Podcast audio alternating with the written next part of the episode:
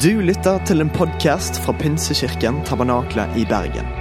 Vi tror at kirken skal være en plass hvor mennesker trives gjennom alle livets faser. En kirke for hele livet. Ønsker du å bli bedre kjent med oss eller holde deg oppdatert? Besøk vår Facebook-side eller ptb.no. Her er ukens tale.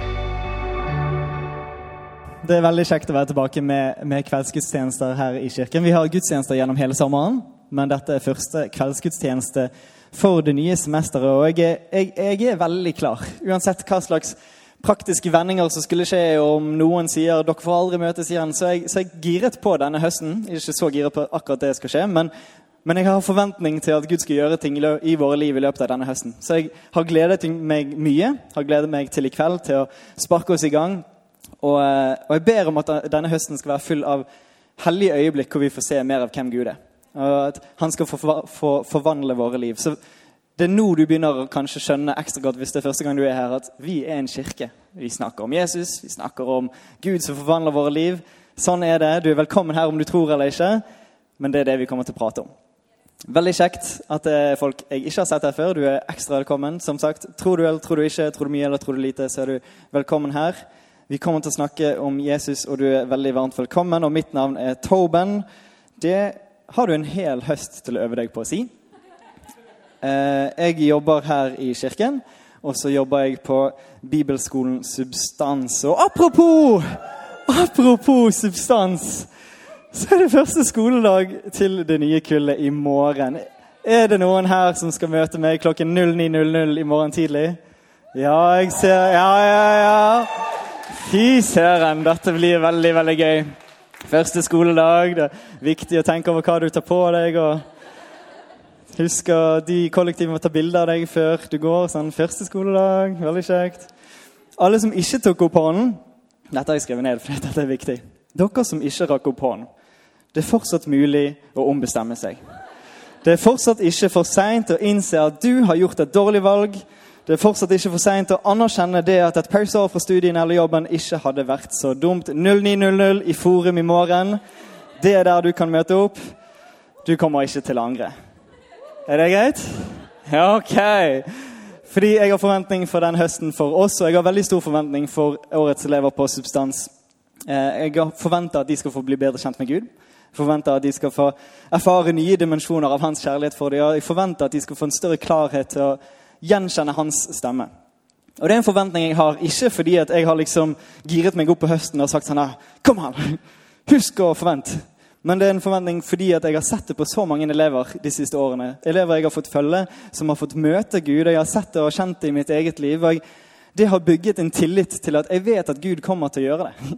Jeg vet at han kommer til å møte de som velger å sette av så mye tid til å søke han, jeg vet at Gud kommer til å gjøre det. Og Derfor har jeg så stor forventning. Ikke fordi at skolen eh, er bra, den er veldig bra. Staben er helt fantastisk. Men det er Gud jeg har tillit til. Og det er han som kommer til å gjøre det til et år som preger resten av livet. Så dere som eh, allerede vet at dere skal være der i morgen, må bare glede dere. Og for resten så kan dere jo fortsatt komme i morgen klokken 00.00 i Fjøsangerveien 28 hvis du er spontan. Vi gjorde det i fjor. Så spurte jeg en eh, på denne gudstjenesten hva skal du gjøre i høst. Og så, så, ja, så sa jeg kom på Substans i morgen, da. Hun gjorde det. Hadde tidenes år. Veldig, veldig gøy. Ferdig med det. Ok. De neste tre ukene så kommer vi i kirken her til å snakke skikkelig mye om Jesus. Vi er en kirke, vi snakker om Jesus. Tommel opp. Ok. Jeg gleder meg til det. Det blir en veldig fin anledning faktisk til å invitere med seg venner som har hørt om eller ikke har hørt om Jesus òg. Målet er liksom å bare snakke om Jesus på en måte der alle som hører, skal bare bli forelsket i han. Det er målet de neste tre ukene. Så det er min oppmuntring. Invitere noen med. Men i kveld skal jeg òg snakke om Jesus. Men jeg skal prøve å holde meg kort. Jeg lover ingenting. Men jeg skal prøve å holde meg kort. fordi når jeg og når flere rundt meg pratet om denne kvelden og forberedte oss til denne kvelden, så så var det en opplevelse av at vi skal, vi skal, bruke litt tid i lovsang i kveld. Vi skal bruke litt tid i tilbedelse og bruke tid til å, til å ta noen valg og sette litt retning for høsten som vi går i møte med. Og Jeg håper eh, at du har lyst til å være med på det. Det er på dette tidspunktet i gudstjenesten at jeg vil minne deg på at du er ikke her for å bare se, men for å delta. Kan hende du er her for å se. I så fall vil jeg si come on, vær med og delta. Og jeg vil også si at Det er veldig irriterende med sånne folk som i starten av hvert nytt semester eller nytt år sier sånn her Forvent mer! Dette blir beste året i ditt liv. Husk å forvente mer. Det kan være fint. Jeg skal ikke si det, for jeg synes det er irriterende. Men det vi skal snakke litt om, det er hva som er adressen for vår forventning. Altså hvem eller hva det er vi forventer noe av. Henger dere med? Ja? Ok. For det, hvis vi, altså Jeg vil snakke om om vi stiller vår forventning til Gud, eller til oss selv, eller til folkene rundt oss, eller til produktene vi omringes av, eller, eller hva det er. Fordi at jeg tror at hvor vi forventer noe fra, forteller oss noe om hvor vi til syvende og sist setter vår tillit. Så vi skal lese litt i Bibelen, vi skal snakke litt om det, og vi skal lovsange. lovsynge. Høres det greit ut? Ok, vi begynner med å be. Det var ingen av de tre tingene jeg sa, men vi gjør det likevel. ok? Allmektige Gud, jeg ber om at du skal fylle dette rommet med din fred. Jeg ber om at du skal komme med din ro. Alle nervøse tanker om et nytt semester, alle, alle som er usikre på hva de skal gjøre i morgen, alle som er, har mye bagasje så de kommer inn i dette rommet. Jeg ber om at du skal komme med en ro. Minn oss på at du har kontroll. Og hjelp oss å rydde distraksjonene unna, sånn at vi kan fokusere på deg nå, Herre. Hjelp oss å lytte til deg. Hjelp oss å kjenne igjen din stemme. Og hjelp oss å være formbar for hva du har å si. Amen. Vi skal lese fra boken i Bibelen som ble skrevet av Jeremia. Det er en kort tekst og et rimelig tydelig budskap. Jeg leser fra et ark, men det er altså Bibelen som jeg har klippet ut og limt inn her. Ikke fysisk, men ja. Det står Så sier Herren. Åpner med en stor påstand. Så sier Herren. Forbannet er den mann som stoler på mennesker og søker sin styrke i kjøtt og blod og vender hjertet bort fra Herren. Kjenner du at du begynner å bli oppmuntret? Veldig bra. Han blir som en busk i ødemarken. Han får ikke se det gode komme. Han holder til i en ørken av stein i det salte landet der ingen bor. Men velsignet er den mann som stoler på Herren og setter sin lit til Han. Han er like tre som er plantet ved vann og strekker røttene mot bekken. Det frykter ikke når heten kommer. Løvet er grønt. Det engster seg ikke i tørketider og slutter ikke å bære frukt. Så Basert på dette så er den åpenbare bibelske oppmuntringen at vi burde stole på Gud fremfor mennesker. Sjokkerende sant at jeg melder det i en kirke, men, eh, men, men det er altså påstanden som jeg leser ut ifra dette. Den klare beskjeden ser ut til å være at hvis vi stoler på Gud, så kommer det til å gå mye bedre med oss enn hvis vi stoler på mennesker. Så etter å høre en sånn type påstand så er det helt rimelig å stille spørsmål til hva er det som gjør at vi kan stole så mye på Gud. da? Hvorfor, hvorfor, skal, hvorfor er det sånn som dette? Og Det er et veldig godt spørsmål, og det kan vi egentlig snakke veldig veldig mye om. Men jeg, jeg tror det koker ned til det håndfaste og konkrete som vi har fått, som er liksom bevis på at Gud er en vi kan stole på. Det er frelsesverket. Kan du si 'frelsesverket'? Ekstremt vanskelige ord. Men det vi snakker om, er altså den, denne redningsaksjonen der vår Gud ser en fallen verden, en ødelagt verden, en syndig verden. Han, han, ser den, og så sier han at han har lyst til å gjenopprette den til det verden var ment til å være. Til det han skapte den til å være. Og ikke bare sier han det, men han sender sin sønn for å gjøre det. Han heter Jesus. Jesus lever blant oss, viser oss en smak av himmelriket, hva verden var ment til å være. Jesus dør, Jesus står opp igjen, og Jesus eksemplifiserer Guds allmakt og overvinner døden. Så det endelige resultatet av den falne verden som eh, vi levde i, hadde vært eh, død. Men Jesus umyndiggjør døden og viser en annen type fremtid. Det er det som er frelsesverket. Det er det som er grunnlaget for at vi kan si Gud er verdt å stole på. Jesus, som er Gud, har vist oss hvem Gud er.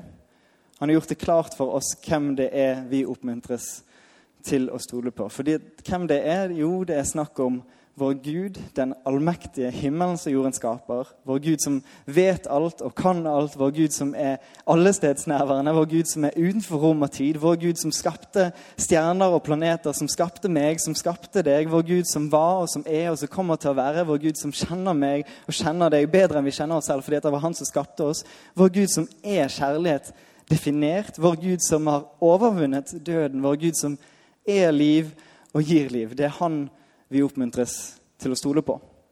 Kongenes konge, herrenes herre, Gud over alt og alle. Det er den Gud vi oppmuntres til å stole på.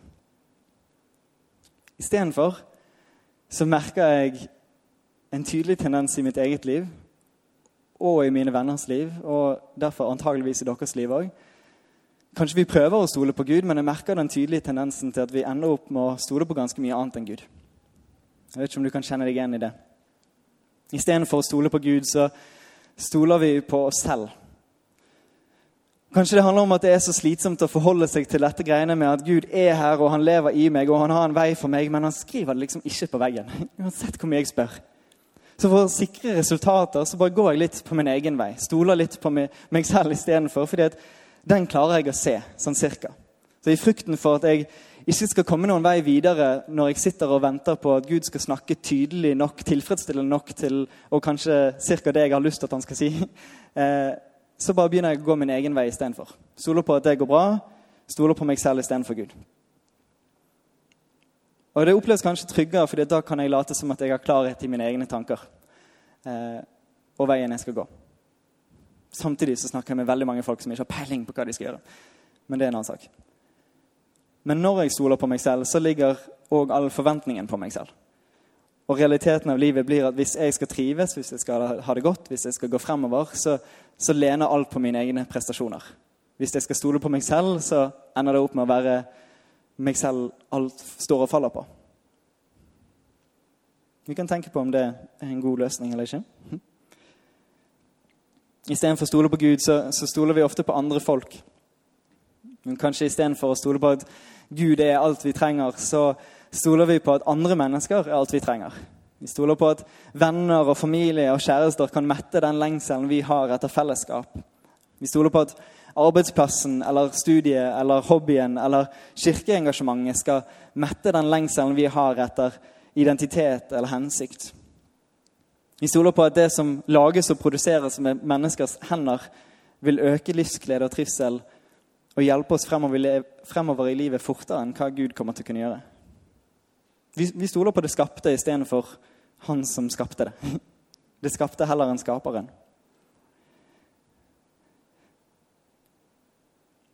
Og det er jo ikke, Poenget med det å si dette er jo ikke å melde at man aldri skal stole på noen av de tingene, men det handler om hvor den endelige tilliten ligger. sant? Det hadde jo vært forferdelig hvis vi gikk rundt og ikke stolte på noen mennesker. Det eh, kan du se i noen land. Det funker veldig dårlig. Men jeg tror vi har behov for noen regelmessige kontrollsjekker. Jeg tror ikke de holder meg liksom en gang i livet, så har vi gjort det. Men jeg tror noen ganger har vi behov for å sjekke oss selv og finne ut hvor, hvor er det jeg egentlig setter min tillit nå. Og Her har jeg lyst til å ha litt sånn real talk og bekjenne to ting som, er, som den siste tiden har avslørt for meg at jeg stoler på istedenfor Gud. Eh, og det, det er utrolig irriterende å innse. Men jeg innser at jeg, jeg stoler mye mer på Netflix og YouTube enn på Gud når det kommer til å gi meg hvile. Når jeg er dritsliten og har lyst til å bare koble helt av, slappe av, la tankene gå andre steder, så stoler jeg mye mer på at Netflix og YouTube vil hjelpe meg med det, enn at Gud vil gjøre det. Selv om Gud er han som lover at han skal gi hvile til den som er sliten. Sånn idiotisk av meg å tenke sånn. Vet ikke om du kjenner deg igjen. Jeg stoler mer på dette har vært en sånn kjip avsløring den siste tiden. At jeg, jeg, har stolt mer på gudstjenesten eller festivalen eller taleren eller lovsangslederen enn jeg har stolt på Gud når det kommer til å, til å forvente og oppleve noe av Gud. Jeg har basert min forventning til om Gud kommer til å gjøre noe i mitt liv, på hvordan arrangementet ser ut. Og ikke basert det på at jeg tror på en Gud som kan møte meg hvor som helst, hvor tid som helst. Dette er min bekjennelse. Det kan hende at du tenker sånn For en forferdelig type. Står han der og skal snakke til oss? Men kanskje du kjenner deg igjen i dag. Jeg syns Paulus virker, eh, viser oppsiktsvekkende god karakter på dette feltet. Vi kan snakke mye om Paulus en annen gang, men kort oppsummert så var han supergiret på å slette Jesus fra historien så ble han supergira på å følge Jesus. Så begynte han å starte mange kirker. Så begynte han å skrive brev til de kirkene for å veilede dem. Og de brevene kan vi lese i Det nye testamentet, og i det ene brevet som er skrevet til korinterne, så skriver han dette. Likevel, søsken, kunne jeg ikke tale til dere som mennesker som har ånden, Jeg måtte tale til dere som til mennesker styrt av kjøtt og blod, som til spedbarn i Kristus. Liten notis der. Husker dere tilbake til advarselen fra Jeremia? Det var til de som stolte på mennesker som levde etter kjøtt og blod. Så skriver han om det. Hm, merkelig. Vi fortsetter. Melk ga jeg dere, ikke fast føde. For det tålte dere ikke. Ja, dere tåler det ennå ikke. For det er jo fremdeles kjøtt og blod som rår i dere. Når det hersker misunnelse og strid blant dere, er dere ikke da fremdeles er dere ikke da styrt av kjøttet og går frem på menneskers vis? Når en sier 'jeg holder meg til Paulus', og en annen sier 'jeg til Apollos', er dere ikke da som alle andre mennesker? Hva er vel Apollos, og hva er Paulus? Tjenere som hjalp dere til tro. Begge gjorde vi det Herren hadde satt oss til. Jeg plantet, Apollos vannet, men Gud ga vekst. Derfor er de ikke noe, verken den som planter eller den som vanner. Bare Gud er noe. Han som gir vekst. Vi har så lett for å la oss begeistre av prestasjoner. Enten våre egne prestasjoner eller, eller prestasjonene til de rundt oss. Og, og, det kan være gode prestasjoner, men det betyr ikke at, at det er der den endelige tilliten vår burde være. Det er bare Gud som gir vekst. Og Språket til Paulus er gjennomsyret av denne forståelsen og av hans tillit til Gud. Litt tidligere i det samme brevet så så leser vi en litt lengre utleggelse som er litt morsom å lese, for han er ganske skarp i språket sitt. Om hvorfor menneskers visdom ikke holder mål i forhold til Guds visdom. Og Det ender sånn som dette her.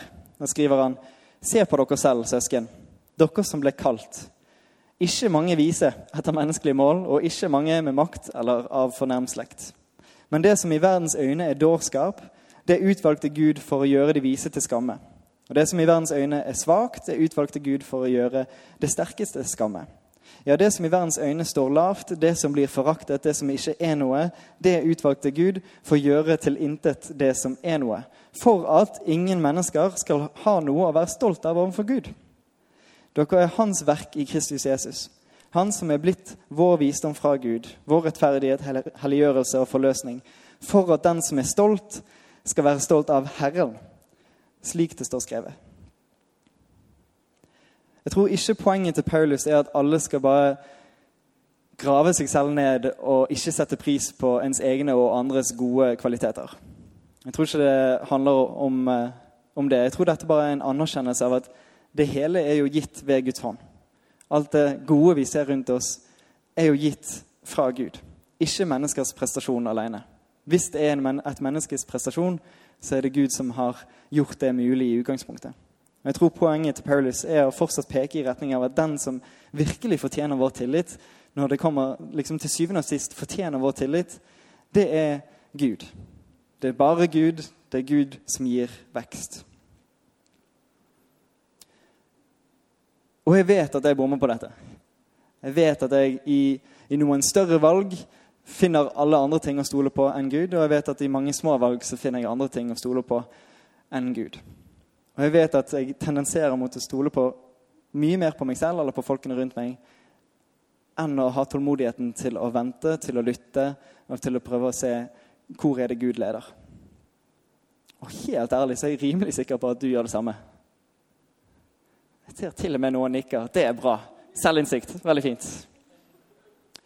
Men jeg vet òg og opplever stadig at Gud står jo der med åpne armer og ønsker oss velkommen tilbake til å sette vår tillit til Han på nytt, selv om jeg har satt min tillit til meg selv eller til andre folk. Vi ser det gjennom hele bibelhistorien. Det er faktisk det kanskje største liksom, påminneren vi får gjennom alle fortellingene. Det er 'Å ja, du stolte på noe annet. Det var synd. Det gikk dårlig for deg. Kom hit istedenfor.' Igjen og igjen så er det det vi ser gjennom hele Bibelen. Men for at vi i det hele tatt skal vite at vi skal sette vår tillit til han, så må vi først og fremst bekjenne at vi har tatt vår tillit vekk ifra han. Gir det mening? Ja, ok. Og kanskje i kveld kan være en nydelig anledning for å bekjenne det. Skrev et smilefjes her, for jeg skulle si det med et smilefjes. For bekjennelse er et sånn negativt ladd ord, der du tenker sånn Å, hva skal jeg si nå? Men eh, kanskje vi skal bekjenne i kveld. Før et nytt semester, bekjenne hvor har vi bommet, hva har jeg lyst til å rette opp i i møte med det nye semesteret. Og i prosessen av bekjennelsen kan det være nyttig å stille spørsmål til hva som gjør at vi slutter å stole på Gud i, utgangspunktet. Og Jeg tror det kan være mange grunner til det, og, og helt ærlig så kan det være sårt og tungt for mange at jeg prater om. Men, men jeg tror mye av det kan handle om at, at hva vi forventer fra Gud, ikke stemmer overens med hva vi opplever at skjer. Og Når det er en mismatch mellom hva vi forventer og hva som vi opplever at skjer, så, så svekkes en tillit, eller en tro svekkes. Og Det kan være skikkelig vanskelig for mange. Det kan skje i, i små og større ting, og i noen, noen, tilfeller så kan det være så forferdelig å, å, leve med det at Gud sier 'jeg skal helbrede', og så lever man med at det ikke kommer helbredelse. Eller man, man, man kjenner sånn lidelse i eget liv, og så kommer ikke Gud og fikser opp i det. Da, da, er det vanskelig. Det er frustrerende. Og det som betrygger meg, er at gjennom hele Bibelen så ser jeg folk som setter ord på den fortvilelsen, den frustrasjonen, den tvilen. Men fellesnevneren er at de setter ord på den i retning Gud. Gud lar oss komme med vår frustrasjon, han lar oss komme med vår fortvilelse. Og så tror jeg at det er viktig for oss å huske hva det er Gud egentlig har lovet oss. Og han har sagt at han skal gjenopprette hele skapelsen. Sant? Det skal komme en ny himmel og en ny jord. Jesus viste oss en smakebit av det. Vi ser himmelriket vokse fram iblant oss, men det er ikke fullstendig enda. Jesus umyndiggjorde døden, men vi venter fortsatt på det nye riket. Så per nå så lever vi fortsatt i en fallen verden. Og Det betyr at per nå så har ikke, så har ikke Gud lovet oss velstand. Han har ikke lovet oss romantikk. Han har ikke lovet denne syvstegsplanen for resten av livet ditt som setter alt i klarhet, og som gjør at du kan gå frimodig fremover. Han, han har ikke lovet den jobben eller den karrieren. Han har ikke lovet at livet skal være enkelt. Ingen av de tingene har han egentlig lovet, selv om det kan være liksom frustrerende hvis, hvis det ikke skjer. Men det han har lovet, det er at han vil veilede deg. Han vil gi deg hvile. Hans nåde er nok for deg. Han vil gi deg ny styrke. Han går alltid med deg. Han vil aldri forlate deg, han vil aldri svikte deg. Du trenger ikke å frykte, sier han. Han har lovet at han skal seire over verden. Han har lovet at ingenting, ingenting vil skille deg fra hans kjærlighet. Det er de løftene han har gitt oss. Og det er basert på de løftene at vi kan si eller at vi kan bygge vår forventning. Dette kan vi forvente av han fordi at dette har han lovet til oss. I et annet brev til korinterne så skriver Paulus han, han, skriver om en del av motgangen som han og gjengen hans eh, møtte på i sin tjeneste.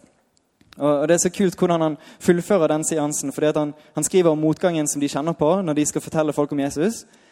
Og så skriver han hvorfor de fortsatt gønner på fordi at folk skal få høre om Jesus. Og så avslutter han med denne setningen her. Vi har ikke det synlige for øyet, men det usynlige. Fordi at det synlige tar slutt. Det usynlige er evig. Og dette er jo litt sånn vanskelig, sant? Og her, her, kan det hende at jeg oppleves litt pushy, og jeg, på en måte beklager jeg for det, men på en måte ikke, fordi det er jo egentlig målet mitt. Men jeg er overbevist om at vi har godt av å få en reminder om at det er Gud som er vår klippe. Det er Gud som står fast. Det er Gud som er trofast. Det er Gud som er verdig vår tillit. Og jeg er overbevist om at av og til så trenger vi å bekjenne at, at vi legger vår tillit til andre ting. At vi begynner å stole på andre greier. At vi begynner å fokusere sykt mye mer på det som er synlig foran oss, enn det som er usynlig. Men realiteten er at det skal komme et nytt rike. Det synlige tar slutt, det usynlige er evig. Det er realiteten av det vi tror på. Kanskje av og til så har vi behov for å bekjenne at det er ikke Gud som svikter på sine løfter, men det er vi som vakler. Det er vi som har søkt å mette våre lengsler hos andre aktører. Men så står Gud fortsatt trofast for å ta oss imot og står fortsatt tilgjengelig til at vi kan sette vår tillit tilbake til Han. Og Paulus skriver, jeg syns det er så nydelig, han skriver når vi er troløse, så er han fortsatt trofast. For han kan ikke fornekte seg selv. Han kan ikke gå imot sin egen natur av å være trofast. Det er umulig for han å gjøre det. Derfor, når vi er troløse, så er han fortsatt trofast. Vi skal lovsynge sammen nå, dere kan få reise dere opp. Før vi går inn i en ny uke, før vi går inn i en ny høst, så skal vi sette av tid til å, til å være i tilbedelse. Og mens vi er her, så har jeg lyst til å utfordre deg til å gjøre en liten selvransakelse. Jeg har lyst til å utfordre deg til å se på ditt eget liv og, og bekjenne hvor det er du har satt din tillit som du egentlig ikke ønsker at han skal være, fordi at du egentlig heller har lyst til å stole på Gud. Og sånn, Et sånt øyeblikk trenger ikke være liksom selvfordømmende. Det hadde vært det hvis det ikke var for Jesus, men pga. Jesus trenger ikke være det. Når vi oppdager at liksom, her har jeg bommet, så sier Jesus bare OK, kom her, da. Så ønskes vi velkommen inn. Jeg har lyst til å utfordre deg til å lukke øynene etter hvert mens vi synger. Fordi at vi, vi står her som et fellesskap, men, men, dette skal bli et øyeblikk mellom deg og Gud. Og Derfor utfordrer jeg til å lukke øynene. Ingenting skal skje, ingen skal stjele tingene dine. Eh, og bare stenge ute distraksjoner, sånn at du kan fokusere på Gud. Og la det være et øyeblikk der du setter ditt blikk på Han, setter ditt blikk på det usynlige, inviterer Gud inn i det semesteret du går i møte med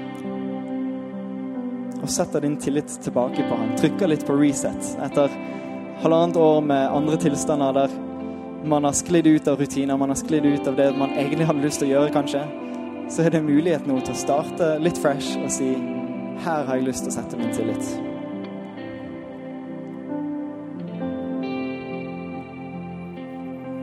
Herre, mens vi står her, så ber jeg om at du skal gjøre deg synlig for oss. Jeg ber om at du skal la brikker falle på plass. Jeg ber om at du skal minne oss om hvor høyt du elsker oss. Jeg kan si det fra en scene til, til en gruppe, men det er noe helt annet når du minner oss på det i våre hjerter. Jeg ber om at du skal gi oss en klarhet. Jeg ber om at du skal Jeg ber om at du skal komme og, og overbevise oss om hvorfor vi kan stole på deg. Minn oss på det, ikke bare i våre hoder, men i våre hjerter, Herre. Takk for at vi kan komme med vår tvil og vår frustrasjon og vår fortvilelse. Takk for at du tar oss imot.